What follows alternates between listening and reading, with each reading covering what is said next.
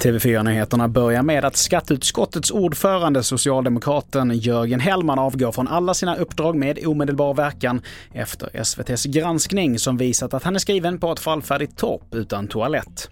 På så sätt så har han fått in 700 000 kronor i ersättning för sitt boende i Stockholm och nu överväger Skatteverket att granska uppgifterna. Det kan finnas anledning eh, för oss att titta på det ärendet om det, det är så att man har lämnat felaktiga uppgifter till, till Skatteverket.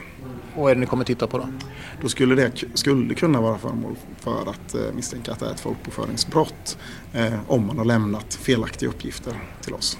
Och i inslaget så hörde vi Thomas Wik på Skatteverket. Och det blev ett rejält bakslag under omröstningen om utsläppsrätter i EU-parlamentet idag, det rapporterar TT. En majoritet sa nej till förslaget om förändringar i handeln med utsläppsrätter och nu måste man alltså börja om från början på utskottsnivå och det riskerar att dra ut på tiden.